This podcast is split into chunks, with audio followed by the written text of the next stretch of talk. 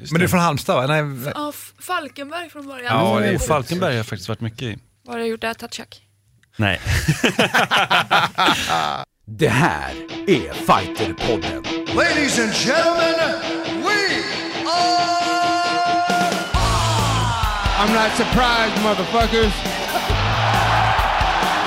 Touch gloves, get ready for war. Ladies and gentlemen, the mauler, Alexander Gustafsson. Oh my God! Double leg. He just got double leg. I'm gonna show you how great I am. I Sommarskrud. Det kommer ta ett tag nu Simon tills vi får den här vignetten igen. Eller hur? Sommarskrud. Ja men det är ju avsnitt nummer Du har 21. blivit 50 så då är det lite fina ord eller? Varför kom vi in på det direkt? Du, du skulle inte Det säga måste jag ju säga. Ja. Stort grattis. Alltså 50, det är stort. Ja det är faktiskt stort. Ganska ogreppbart.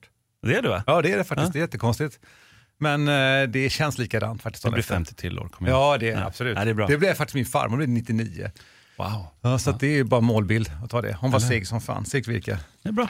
Hon var också kvinna, jag vet inte, får se. Ja. Du, jag heter Mårten Söderström, det där är Simon Kölle. Yes. Det här är Fighterpodden, podden där vi pratar om kampsport, eh, all typ av kampsport. Vi försöker liksom vara ganska breda. Normalt har vi med oss Hans Wiklund, men Hans Wiklund han har valt att vara på landet. Det här är då som sagt nummer 21 av poddarna och sen så tar vi lite uppehåll och kommer tillbaka någonstans i augusti. Upplägget är som vanligt, vi pratar kampsport, vi går igenom det som har hänt veckan som var och veckan som kommer och så har vi normalt en gäst. Och idag är vi nöjda och glada att säga att vi har den före detta thaiboxningsmästarinnan som sadlade om och blev actionskådis. Det är eh, Igiria, Captain of the Guard från Wonder Woman eller Madeleine Wall Beiner. Stort, jättestort att ha det här. Tack! Är du nervös? Nej. Eh, Jag hoppas inte Men det. å andra sidan så vet jag inte heller vad som, som väntar mig så att jag kanske borde vara det.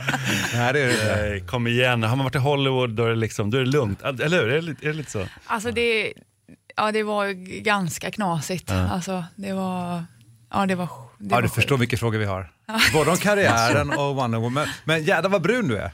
Ja, eh, säger man tack. Ja, som jag typ är albino ser du. Nej, men det beror ju på vilken, vilken del av eh, världen man är i. När jag kommer till Thailand och ska träna, då säger de så här att när jag kommer dit så tycker de att jag är fin och när jag har varit där ett tag och blir brun så tycker de att jag är ful. De sa så här, eh, before you beautiful, now you ugly.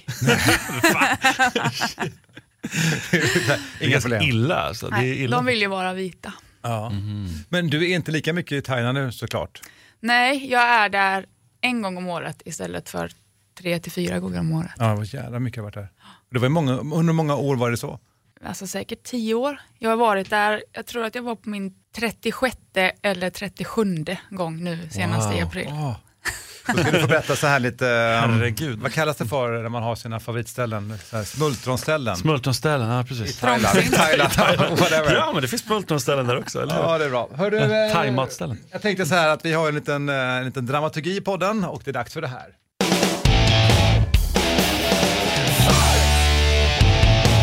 Det är ju tidpunkten i veckan när Simon Kölle laddar upp och berättar vad som har varit och vad som kommer. Det gör jag, det gör jag. Men det blir bra. Nu är det lite sommar också så vi har ganska mycket att prata om. Som vanligt, det känns alltid som jag har eh, mycket att prata om. Det första, Ska bara det förklara, största. för nu tittar du som att det var det här för någonting. Alltså, eh, Det heter ju då kampsportsnyheter i korthet. Och just den punkten har liksom Simon, De har häcklat mig i 21 avsnitt nu för det här liksom, att jag inte men fixar han har blivit mycket bättre. Okej. Tack, tack, tack så mycket, tack. Nej, men det absolut största som man måste ändå nämna först känner jag det är Conor McGregor kommer möta Mayweather i boxning 26 augusti. Wow, Spektakel, 100 miljoner dollar var. Liksom. Och som, alltså, man förstår ju, och vi diskuterar ju såklart, varför gör man en sån grej? Och nu börjar det ju, alltså, vad, är, vad är det värt? Alltså jag tänker evenemanget, vad är det värt för boxningen, vad är det inte värt för boxningen? Där är två läger nu. Det ena traditionella säger ju att det här är helt kast, att släppa in den här jävla pajasen. Och den andra sidan säger, vad skönt att vi ska visa nu att vi är bättre än MMA, vilket är helt ologiskt för att det är liksom två saker. Och så är det MMA-sidan då som säger, McGregor kommer vinna, och ett gäng som säger han har ju inte en sportskeps. Men alla här sammantaget är någonstans nyfikna på vad händer? Alla är ganska hypade. Hur känner du Madde? Du... Nej, nej men alltså det är ju helt sjukt. Det, det, det, liksom, det hände, eller det ska hända. Det, jag, det, ja, jag trodde att det var ett skämt länge. Liksom. Men, men tror ni, för nu är jag ju då mannen som alltid har teorier, när McGregor sa det här första gången, för att det var liksom hans karaktär och jag kan slå Mayweather, tror ni att det redan då var liksom planterat ett frö? För att det vore lite pannkaka om du driver en sån grej och så vet att det inte kan bli av. Nej, men jag tror att han, han är liksom, han är, tänker eh, utanför boxen någonstans. Från början. Tänk på att han gick på, alltså 2013 när jag träffade honom första gången här i Stockholm, då var ju han, då gick han på socialbidrag. Det, är liksom, det är inte så många år sedan. Nej, det är verkligen inte så många år sedan. Och nu kommer han liksom ha en eh, purse på 100 miljoner dollar. Får, vänta nu, får han han, det? nej, han kommer få troligen upp till 50, det är lite så här oklart exakt, men någonstans runt 50 miljoner kommer han få. Och vad har Mayweather sagt då?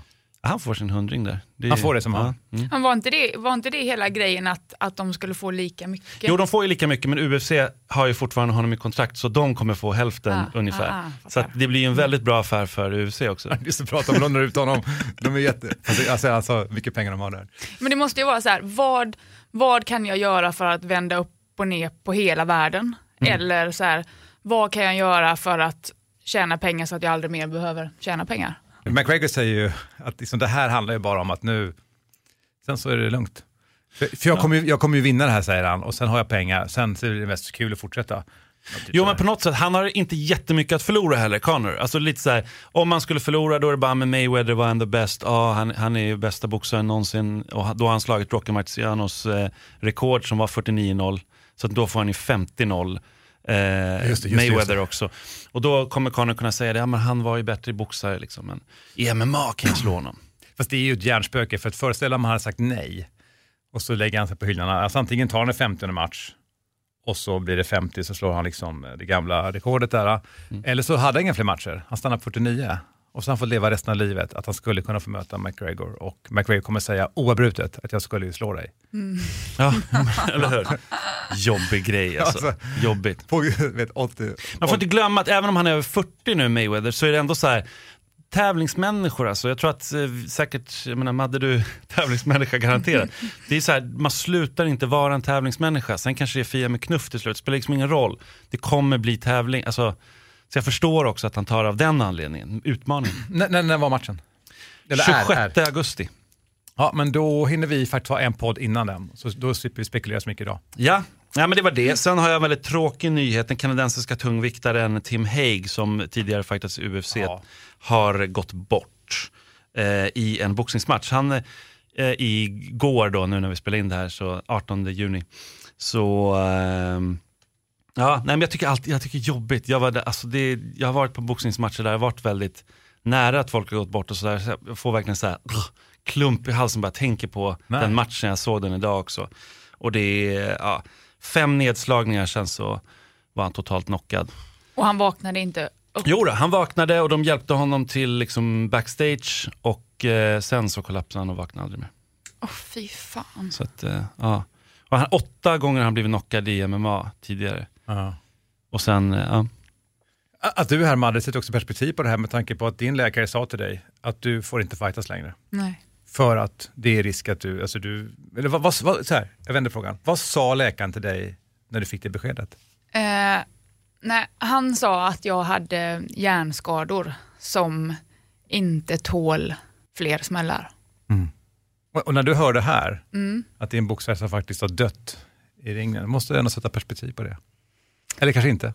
Ja, alltså jag, alltså för mig är det ju kanske verkligt på ett annat sätt, även om jag inte har, jag, jag fick ju aldrig den sista smällen. Liksom, så att jag är ju, är ju väldigt lycklig på det sättet. Men det är ju någonting med att, alltså, är man på en, en gala när någon blir eh, knockad bara vanligt, liksom då, det är allt det magiska som finns, finns i luften, det är precis som att, det är som att tiden bara stannar och sen så blir det, det blir bara obehagligt för det är inte härligt Nej. att se. Även om man älskar sporten och liksom är medveten om vad som kan hända och, och sådär så är det, då, då är det bara, det är tvärstopp. Jag tycker vi kommer tillbaka till det här sen, för det är intressant, för det här är ett perspektiv. Vi snackar ju om Frida sist där och sådär. Vi, vi kommer tillbaka till den biten va? Så ska jag låta dig ha kvar scenen här med lite mer kampsportsnyheter. Ja, nej men Tim han blev eh, 34 år i alla fall, så rest in peace verkligen. Ska vi se om jag kan komma tillbaka nu då till att bli, vara lite glad, men jag, ja, om jag ändå ska vara det. Asian Open har varit i amatör-MMA och eh, Sverige härskar verkligen. Alltså, så, så jäkla bra MMA-fighters har vi i Sverige på amatörsidan. Gabriella Ringblom vann eh, guld, slog i finalen svenska Anja Saxmark. Mellanviktaren Heitam Rabi eh, vann på TKO mot australiensaren eh, eh, Joseph Luciano, tog guld.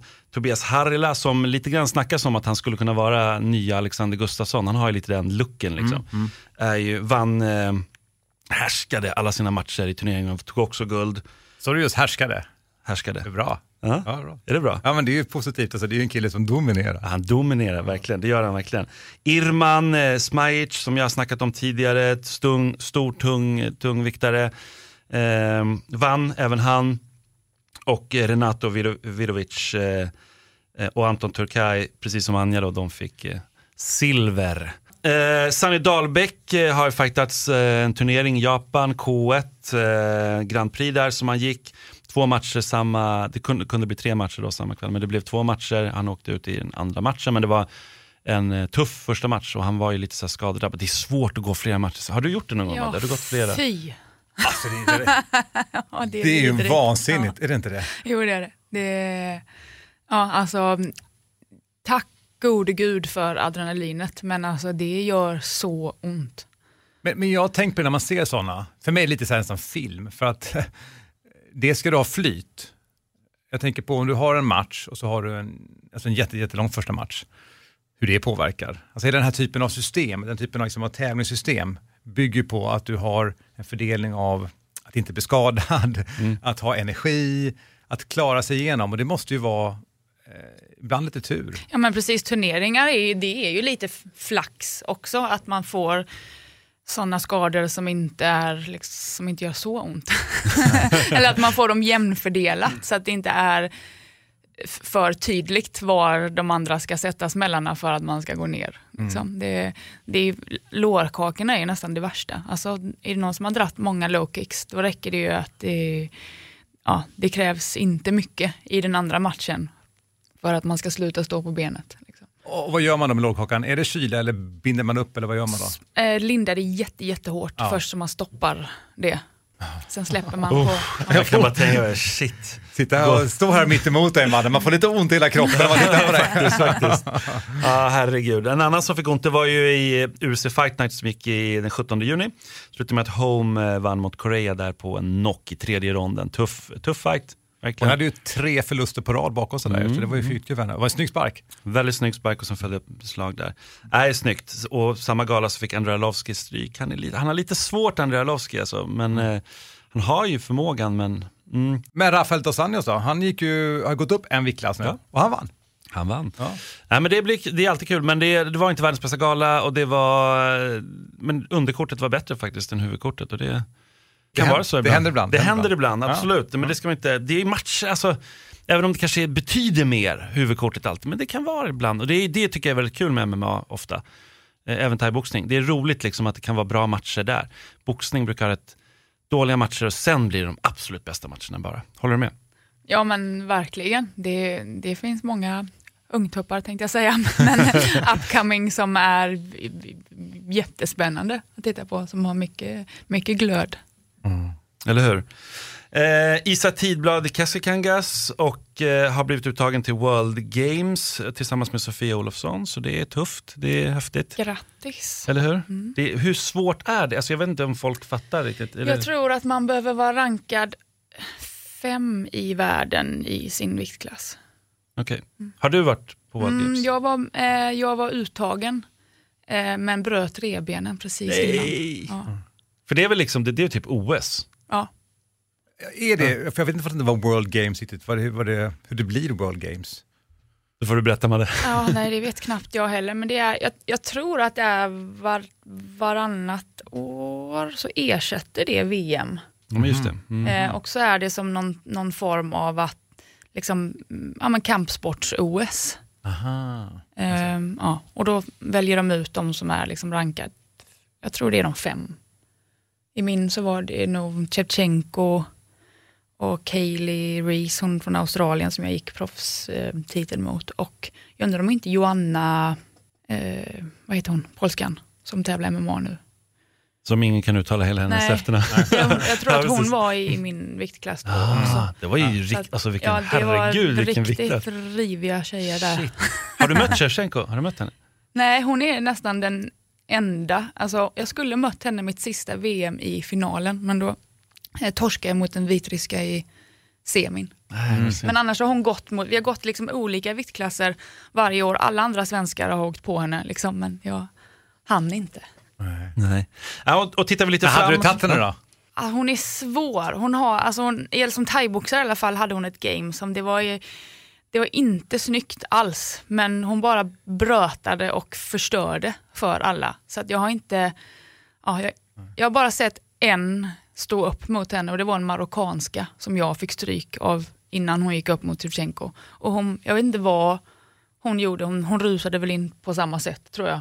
Ja, hon rusade in och sen så brottas hon och så nästan får hon sin, sina motståndare så frustrerade så att alla tappar det som de är bra på och bara faller in i hennes grej. Och där är hon ju bättre såklart. Ja. Spännande. Ja, Ja, jag får aldrig svar på den frågan med andra ord. Om du... Nej, ja, nej, man behöver synd. verkligen vara iskall för att, att ta henne. Ja, när vi tittar vi lite framåt så har vi ju eh, Invicta fjärdevikts eh, där Megan Anderson som har gått, gått till UFC och kommer möta Cyborg i eh, sommar, 29 juli. Det är ju, vem vill möta Cyborg? Skulle du kunna tänkt dig att möta henne? Alltså om vi tänker vi stå inte MMA utan, Ja, alltså jag, jag, har nog all, jag har nog aldrig tackat nej, Nej. till en match. Alltså inte, Ja, vadå, In- av, inte prin- på den- av princip liksom? Eller nej men alltså är man på den nivån att man ska vara bland de bästa i världen, då får man ju se till att möta de bästa. Alltså, nu, jag har aldrig handplockat mina motståndare, alltså jag förstår ju att det verkar vara lite annorlunda i MMA, att man försöker liksom göra sitt fight record så bra som möjligt. I thaiboxningen så har det inte varit lika, alltså om man losar så, så här, ja det suger men det, har inte, det får inte samma konsekvenser. Alltså det är nästan som att så här, man, jag tycker nästan det är lite credit att ha förlorat lite för då vet man att man har gått tuffa matcher, man har liksom inte snitslat sin egna bana till ett fläckfritt fight record. jo men eller hur, det finns många sådana i Ryssland framförallt också, så här, mycket MMA som har så här enorma records och så kollar man lite vad har de mött för några, det folk med negativa records som de har mött bara. Sen ska man ju inte vara dum, men, men ligger man på liksom allra högsta nivå då får man ju tuffa till sig och möta det som Ja, men det blir en spännande match i alla fall. Cyborg är ju, alltså, ja, vi har pratat mycket om henne här. Det är Ja. inte mycket, men vi har ju diskuterat det. Det har vi. Nej men hon är ju väldigt tuff. Och sen så, sommaren kommer ha sex stycken UFC-galor, så det kommer vara fullt av UFC. Vi kommer se Cormier vs Jones 2, den sticker ju lite grann ut också där. 29 juli kommer vi se Amanda Nunes också mot just Shevchenko. Så det blir en rematch. Men Sa du att matchen Cormier och Jones, att den sticker ut? Det är ju en, jätte, inte det det? är en jätteviktig match. Den sticker väl ut som någonting bra? Ja, men ah, alltså, du ska, ska, vi inte, ska, vi inte, nej, men ska vi inte stanna tänker jag där lite Ja, du bara. tänker stanna där? Ja, Ja, ja, ja. Det är sex galor på hela sommaren. Ja. Ja, men det är, väl, det är väl en väldigt speciell match. Det Ja, men den blir ju det, alltså, det är liksom the return of John Bon Jones och, Så är det ju. Så är det ju. och eh, alltså the trash talk och framförallt den som vinner där, apropå vår svenska demålare. Liksom. Där har vi Det ska matchen. bli så kul alltså. Så vem vill vi ska vinna där för att vi får matchen med The Mauler? Vill vi ha en eh, rematch med eh, John Bon Jones eller vill vi ha Cormier? Jag tänker så här, om jag får börja, så tänker jag så att eh, Alex, vem av dem än han möter, Mm. så får han möta den andra av de två också igen. Om han vinner.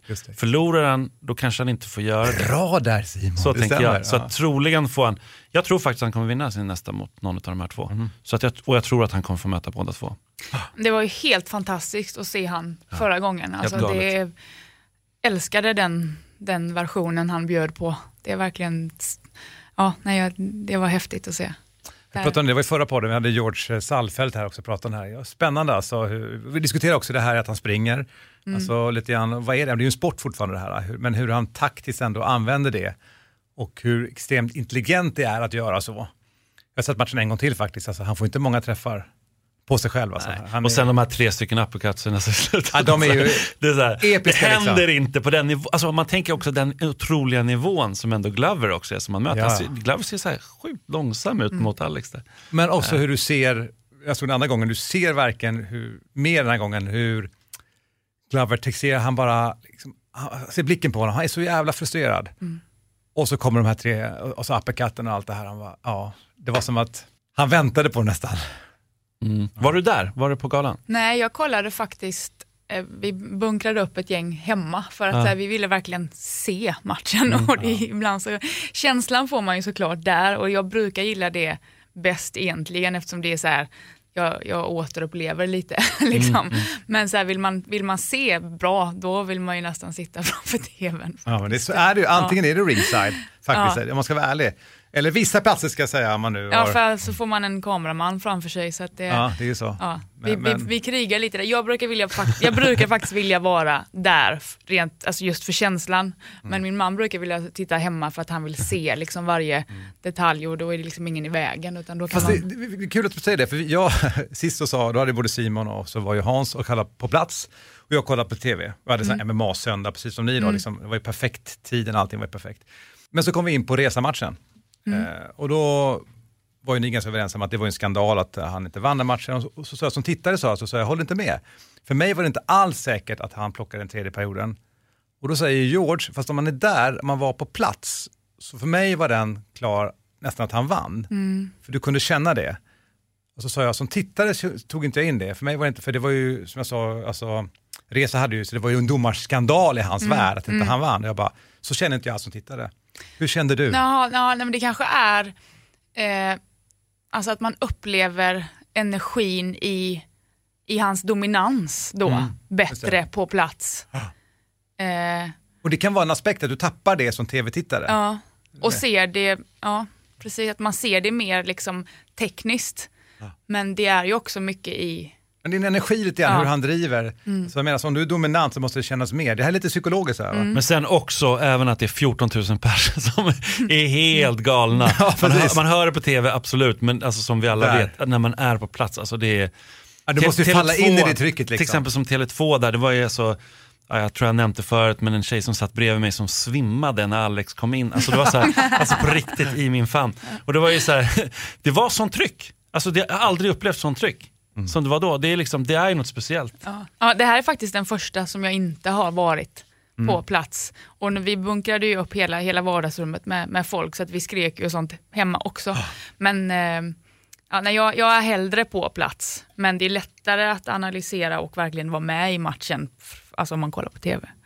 Och, och slutligen då, vad tyckte du om Resa? Var det en domarskandal eller? Jag tycker att han skulle vunnit kanske, men in, Mm. in, inte skandal. Men det är väl, jag såg ju det på samma sätt som dig. Liksom, så att Jag skulle nog ha han som vinnare, men Men en jämn match liksom. Ja, det, ja, var, ja. det var ju en jämn match, Mm. måste han ju själv säga. Verkligen. Men, ja, nej, men sen eh, övrigt i sommar då så kommer vi ha, vi kommer ha SM i boxning, vi Mm. kommer ha SM i brottning, vi kommer ha HEMA-SM och allt det här på SM-veckan som kommer vara i början av Ja, just det. juli. Just det, just det. Så det blir kul. Det är på SVT och då kan man kolla på det om man vill. Så det är mycket kampsport i sommar. Härligt, tackar. Ett poddtips från Podplay. I fallen jag aldrig glömmer djupdyker Hasse Aro i arbetet bakom några av Sveriges mest uppseendeväckande brottsutredningar. Går vi in med hemlig telefonavlyssning och, och då upplever vi att vi får en total förändring av hans beteende. Vad är det som händer nu? Vem är det som läcker? Och så säger han att jag är kriminell, jag har varit kriminell i hela mitt liv men att mörda ett barn, där går min gräns. Nya säsongen av Fallen jag aldrig glömmer på Podplay.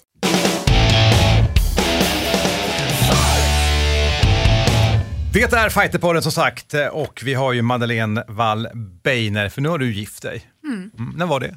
förra sommaren. Hade du en bra eh, möhippa? Ja men herregud.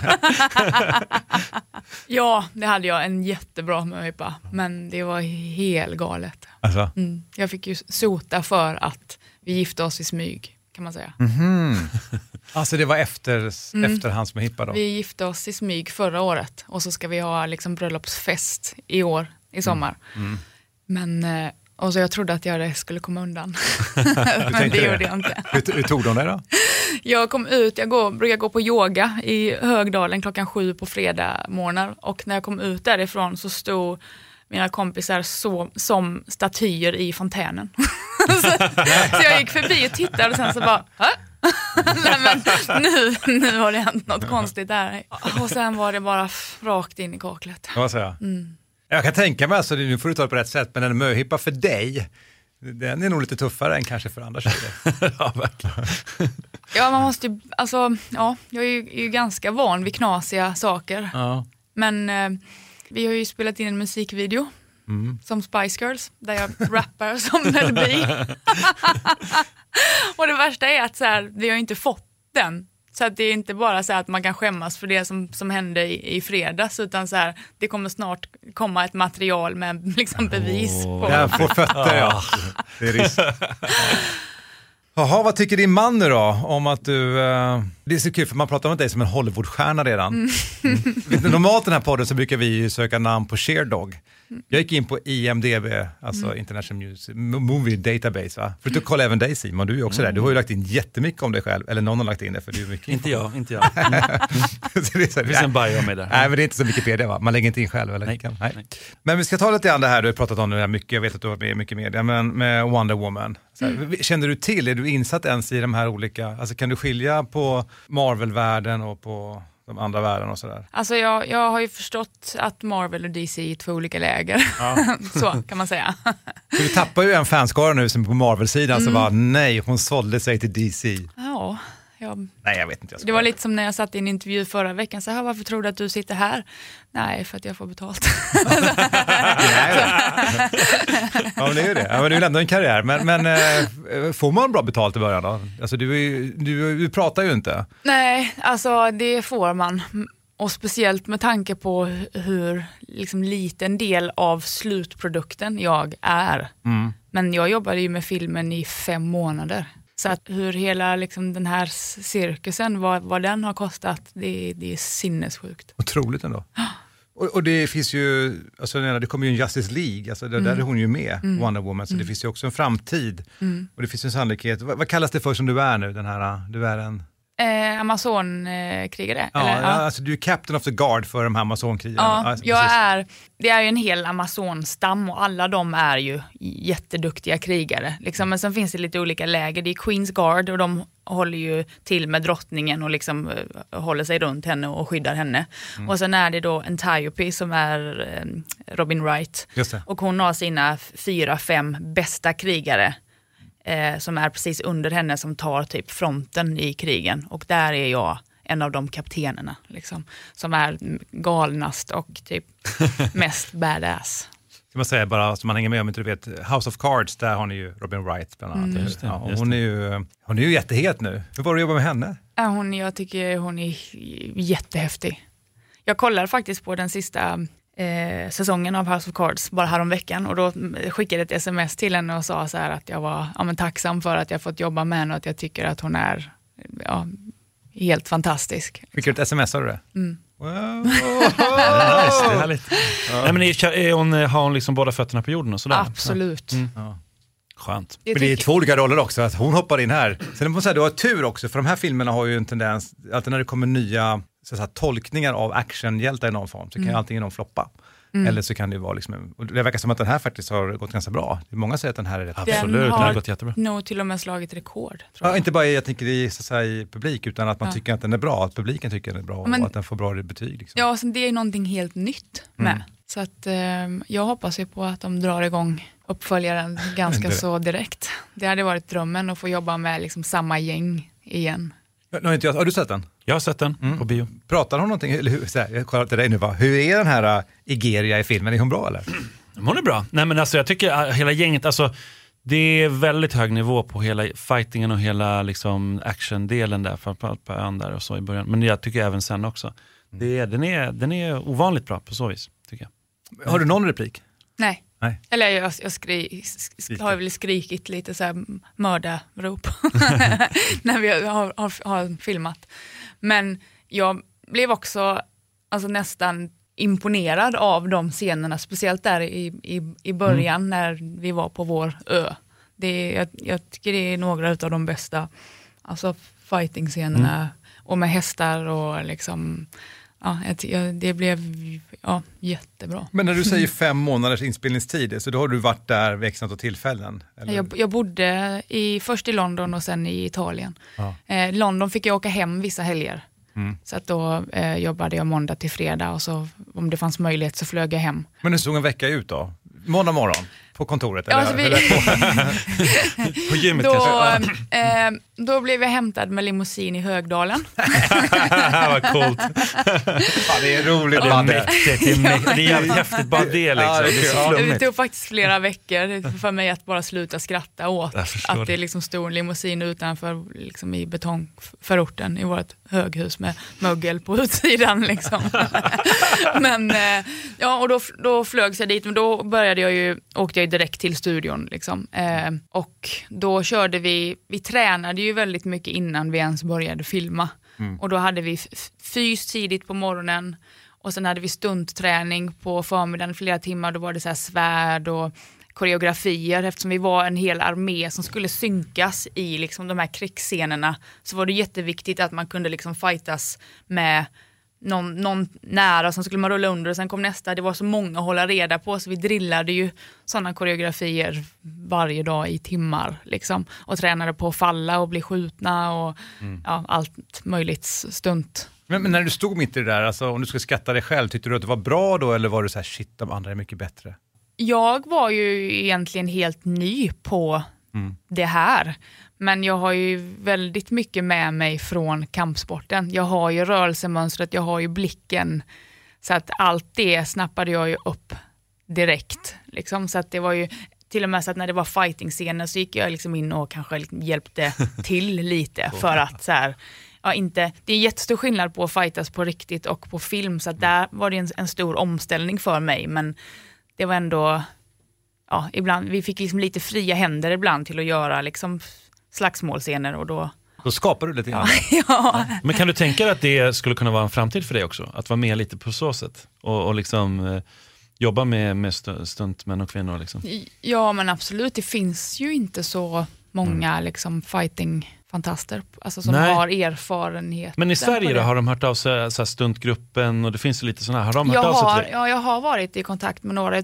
Till en början så tog jag hjälp av Tim Mann från, Tim, ja, eh, och precis. Peter. och, Peter är ju, Ja. stunt-Peter är så att känd det var för det första alla- min agent gjorde var liksom att så här, vilka finns här i Sverige så att vi bara kan liksom få snacka med någon så att vi vet ungefär vad som liksom väntar oss och då hjälpte de mig eh, faktiskt en kväll precis innan för allting, alltså i filmvärlden är det så här, ah, hej kan du börja imorgon? Ja. Liksom det, och sen så säger de att det är en vecka och så blir det inte den veckan och så blir det imorgon och sen igår och så. Man har ju noll kontroll, liksom, vilket är, kan vara ganska jobbigt.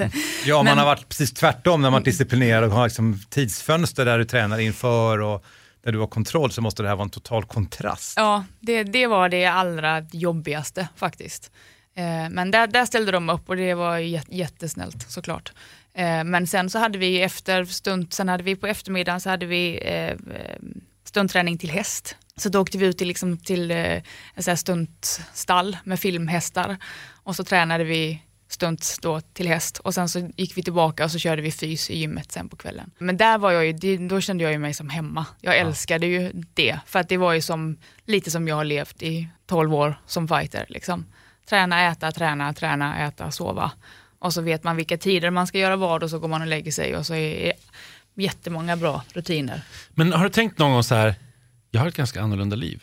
Alltså för det där är lite annorlunda. Du har hållit på med fighting och nu har du gör det här och det är liksom så här, det, det är inte det vanliga, li- vanligaste livet om man säger så. Det kanske du har insett så länge sedan, inte Ja, men- alltså, jag, jag tror att eh, det enda som får mig att tänka så är andras reaktioner.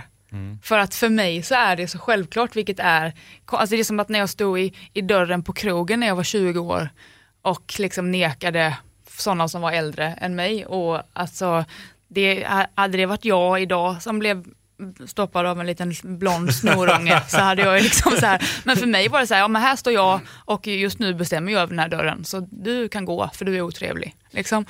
Jag, jag tänkte inte att det skulle vara konstigt eller att jag inte skulle vara där på samma sätt som när jag började fightas och det är så här, hur känns det som tjej? Så här, jag, jag vet inte, jag har aldrig varit kille.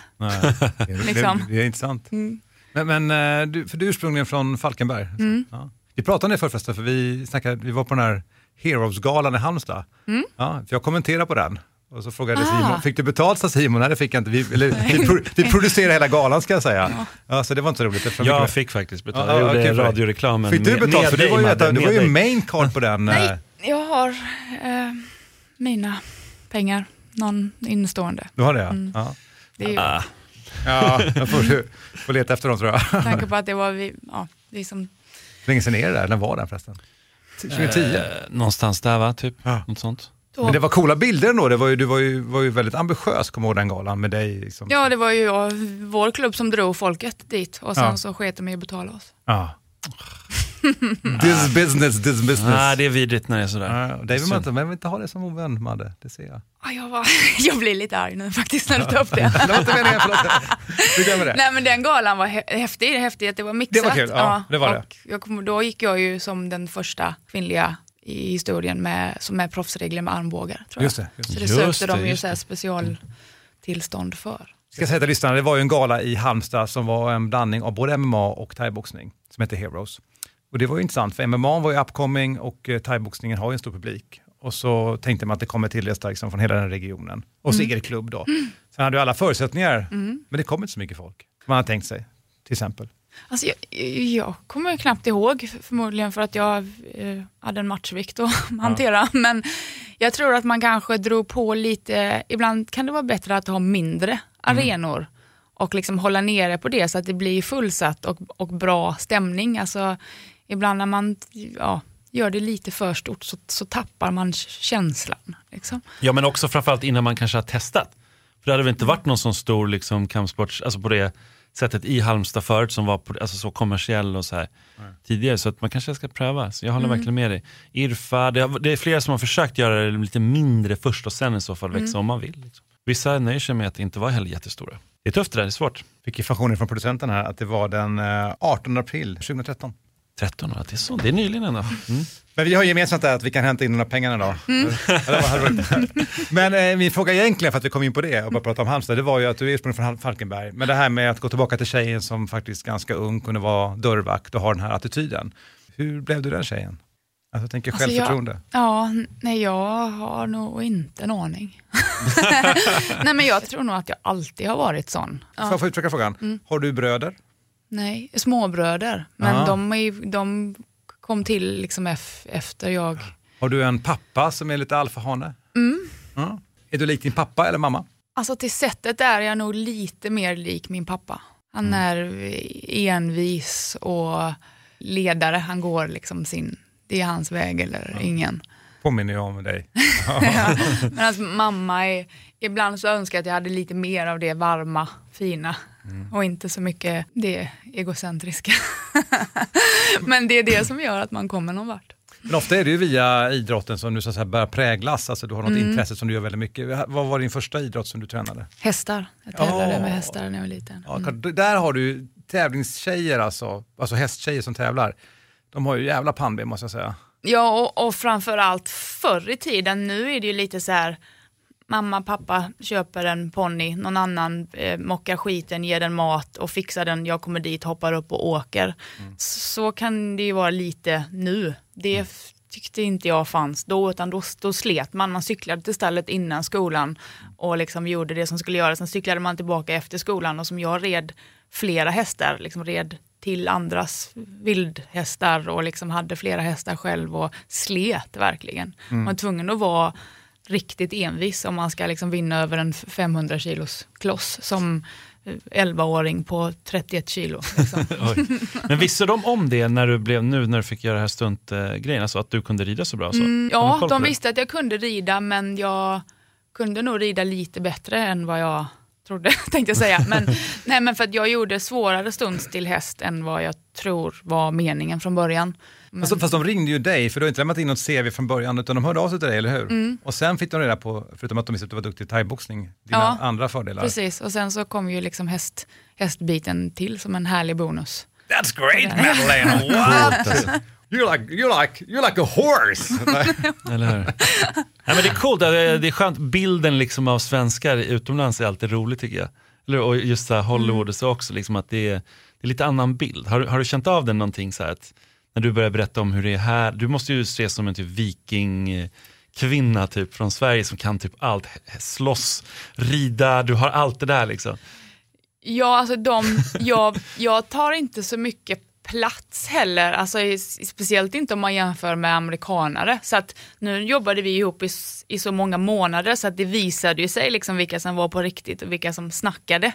Men jag håller ganska låg profil, alltså förutom när det gäller att prestera då, för då är jag ju tokig. Liksom. Men jag, jag snackar inte och, och tjoar och kimmar och liksom försöker liksom inte få uppmärksamhet för uppmärksamhetens skull, utan så här, jag går 100% på, in på min uppgift och så levererar jag där och sen det andra skiter jag i. Liksom, jag åkte hem till hotellet och, ja, och jobbade vid datorn. liksom. Men, så att jag var ju ganska, jag höll mig i bakgrunden och sen så liksom blev det mer och mer ju längre fram vi kom i produktionen. Liksom. Ja, så- såklart, för du, så här, du, så här, du anpassade dig in i den världen, men den Madde man känner från Sverige, här är ju en tjej som inte har bett om ursäkt. Nu är Sverige Mm. ganska annorlunda från Mm. USA. Så jag menar, om du hade varit som du är i Sverige, där, eller var de andra inte sådana, jag tänker dina så säga, träningskollegor där, liksom, var det någon som utmärkte sig så du tänkte du så här, fan den här personen märks lite för mycket? Ja men alltså det var det ju såklart, alltså lite så här se på mig Mm. människor, men de faller bort lite längs vägen för att det, om man låtsas vara någonting så orkar man nog bara det ett visst, alltså man orkar inte det hela vägen för till slut så orkar man bara vara sig själv och då kommer det fram liksom Ja. vad man är gjord av. Så att de var lite gapiga och skrikiga i början och sen så var det inte så mycket mer. För att när det väl kom till kritan så Och vad fick du för feedback då från producenten? Nej, jag eh, har ju försökt vid två tillfällen att tacka henne liksom, så här, från botten av mitt hjärta.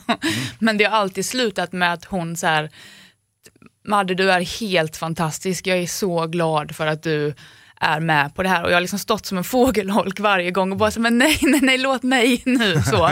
Och nu senast efter premiären i, i Hollywood så tänkte jag nu ska jag gå fram till Patty Jenkins då och sen nu ska jag liksom så här verkligen tacka henne för den här resan för att det betyder verkligen mycket för mig. Inte liksom inget rövslickeri utan så här på riktigt, i, jag vill titta henne i ögonen och så här för att jag, jag tycker att hon är ja, fantastisk. Liksom. Mm. Men jag hann, jag hann inte, och, utan innan hon liksom gjorde den, den tillbaka på mig så slutade med att jag började gråta.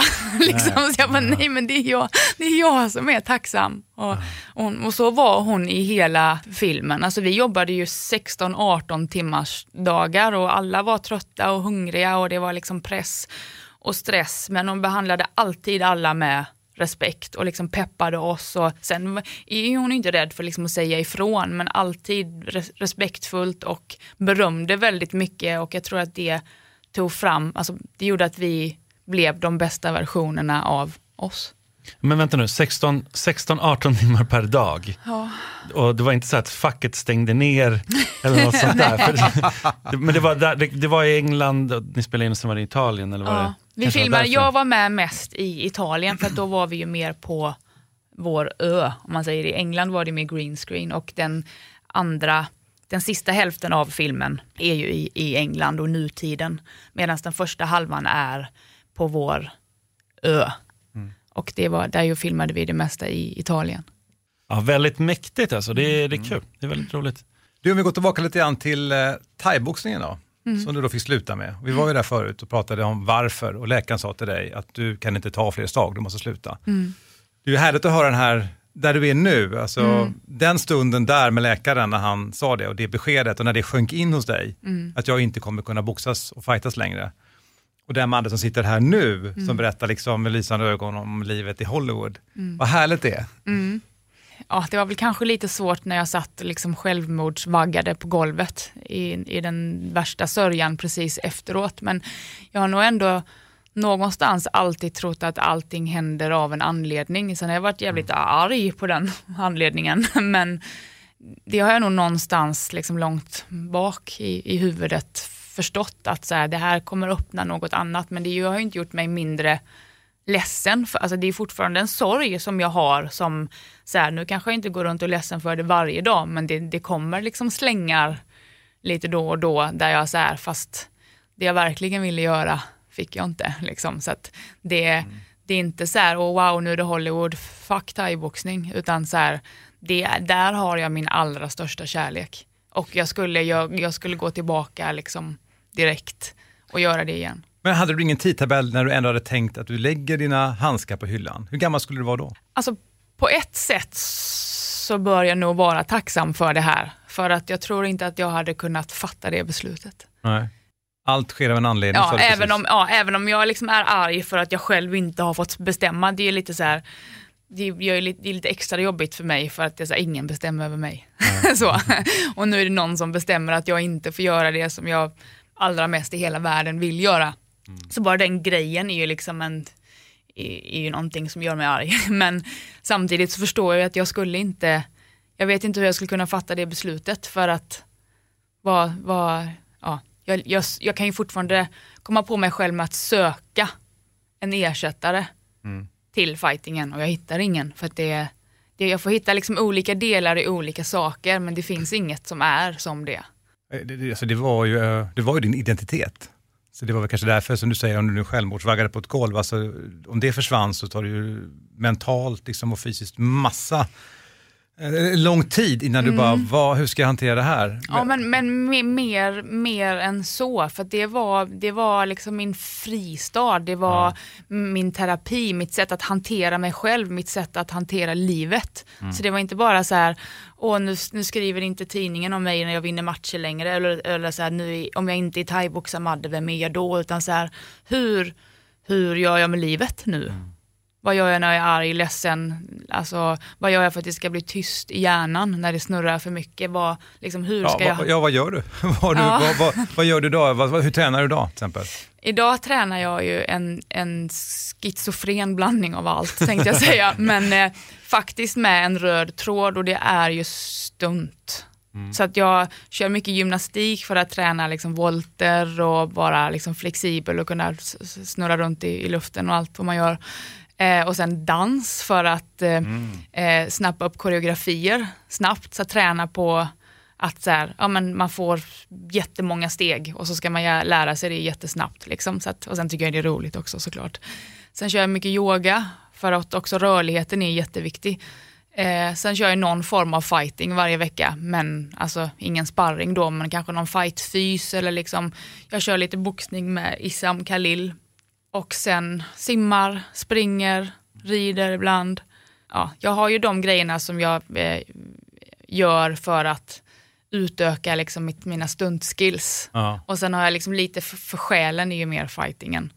Eh, och sen ibland så testar jag helt nya grejer bara för att, för att kasta mig ut och vara nybörjare och bara liksom hantera det, för det var inte lätt i början.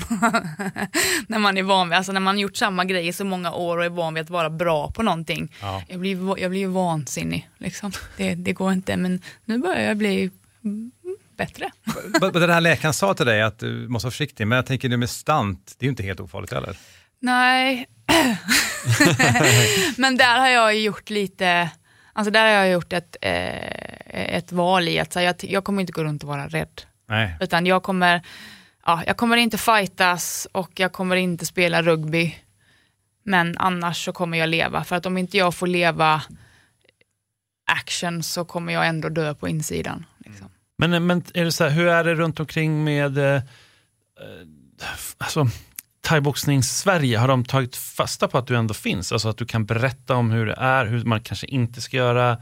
Hur, alltså, vet du själv så här att det var det här avgörande ögonblicket eller är det mer konstant träning på det här sättet gör att man kanske ökar skador? Alltså, vet du, vet, får du berätta om det här på typ Ja, jag håller seminarium och workshops Det är och sånt på, på klubbar runt om och där är det väl främst liksom misstagen jag lär ut för att det är, är de som, ja, om jag kan förhindra att folk går i, i samma fällor som jag gick i så kommer de ha eh, en mycket längre livslängd som fighter eller som Vilka är de här misstagen? Nej, men det är, det är mycket, bantningen förstör ju jättemycket, alltså matchviktshetsen. Men sen så här att återhämta sig, det gjorde jag ju inte på 11 år. Jag vilade ju liksom inte någonsin knappt. Så att liksom å, vikten av att, att faktiskt eh, lägga in återhämtning och att, att man har lätta pass och hårda pass och att man verkligen tar det lugnt på de lätta passen för att sen kunna maxa på de tuffa passen. jag försökte ju köra fullt alltid, vilket resulterade i att jag liksom låg i något mellanskikt hela tiden för att jag var för sliten för att maxa. Men vägrade ändå att ta det lugnt. Liksom. Men om man tänker så här, om man spelar djävulens advokat då, om man tänker så här, du blev ju också bäst. Om någon säger så, jag vill ju också bli bäst. Du blev ju Mm. bäst när du gjorde på det här sättet. Vad säger du till en sån person? Eh, nej, jag, alltså, jag vet inte, men jag vet ju att jag hade skulle, vara, skulle ha varit dubbelt så bra. För nu kan jag ju gå tillbaka och, och liksom så här lattjo sparras och känna så här, men alltså jag är så mycket bättre nu. Och det kommer jag aldrig få visa, liksom, eller aldrig få, få utnyttja. Och då är det så här, då, då, tränar jag ju liksom, ja, men ett, två fightingpass i veckan jämfört med två, tre om dagen förut. Så att jag är liksom fräsch i skallen, jag är, fyller på med energi så att jag kan träna hårt och mår bra. Liksom, då, då kan jag prestera så mycket bättre. Så att inte hålla på och fiffla med maten, eh, återhämta sig, periodisera träningen så man inte nöter sönder samma saker liksom hela tiden. Och rörlighetsträning i, liksom i, i, innan man blir skadad. Alltså köra prehab och liksom, ja, men kanske någon yoga som är anpassad efter det man gör för att öppna upp höfterna liksom, eller där det brukar trassla sig. Men, men eh, hur kan du kombinera det här då? Låt säga nu att du får en fortsatt karriär, vilket vi tror, Mm. eh, i Hollywood. Och så har du det här intresset, det här hjärtat i thaiboxningen. Du har ju en perfekt kombination där. Alltså, du borde ju kunna i förlängningen ha ett gym eller... Mm. Så vad vill du?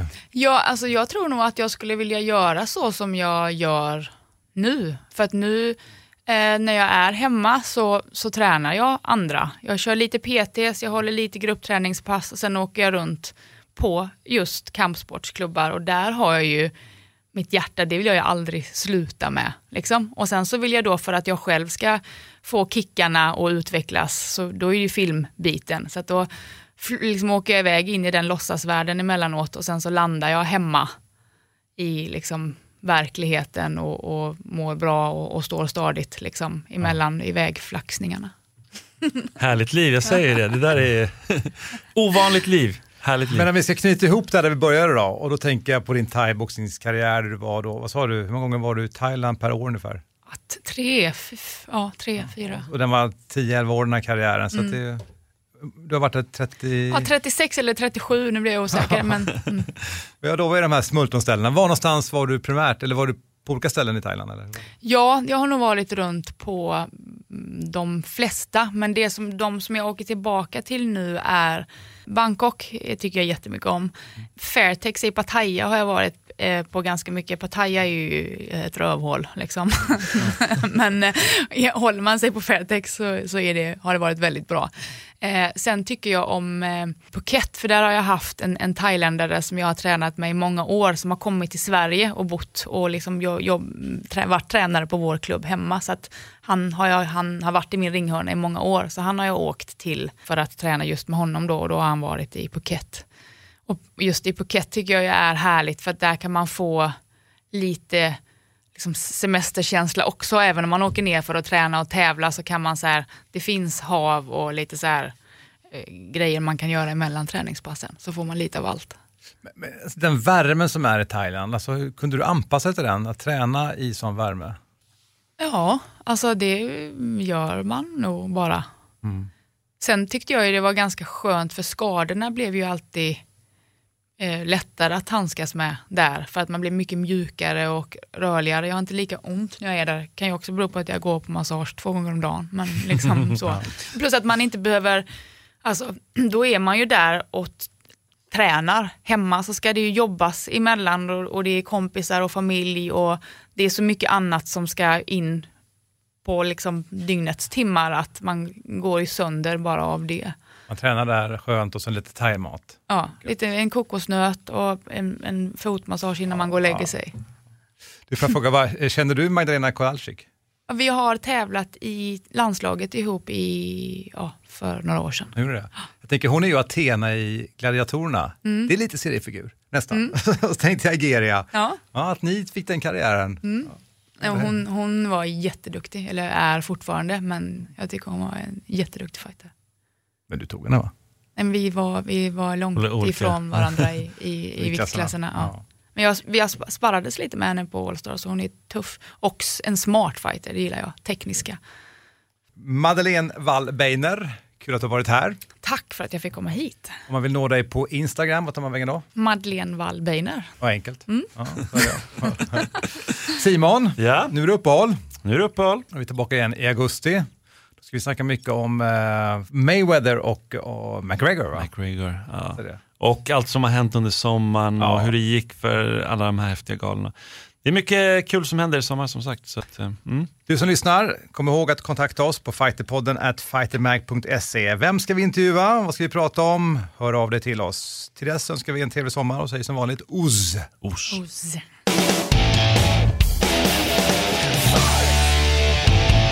Fighterpodden produceras av Suba Media för Radio Play och Fighter Magazine. Poddtips från Podplay. I podden Något Kaiko garanterar östgötarna Brutti och jag, Davva, dig en stor dos skratt. Där följer jag pladask för köttätandet igen. Man är lite som en jävla vampyr. Man har fått lite blodsmak och då måste man ha mer. Udda spaningar, fängslande anekdoter och en och annan arg rant. Jag måste ha mitt kaffe på morgonen för annars är jag ingen trevlig människa. Då är du ingen trevlig människa, punkt. Något Kaiko, hör du på Podplay. Därför är gardinerna.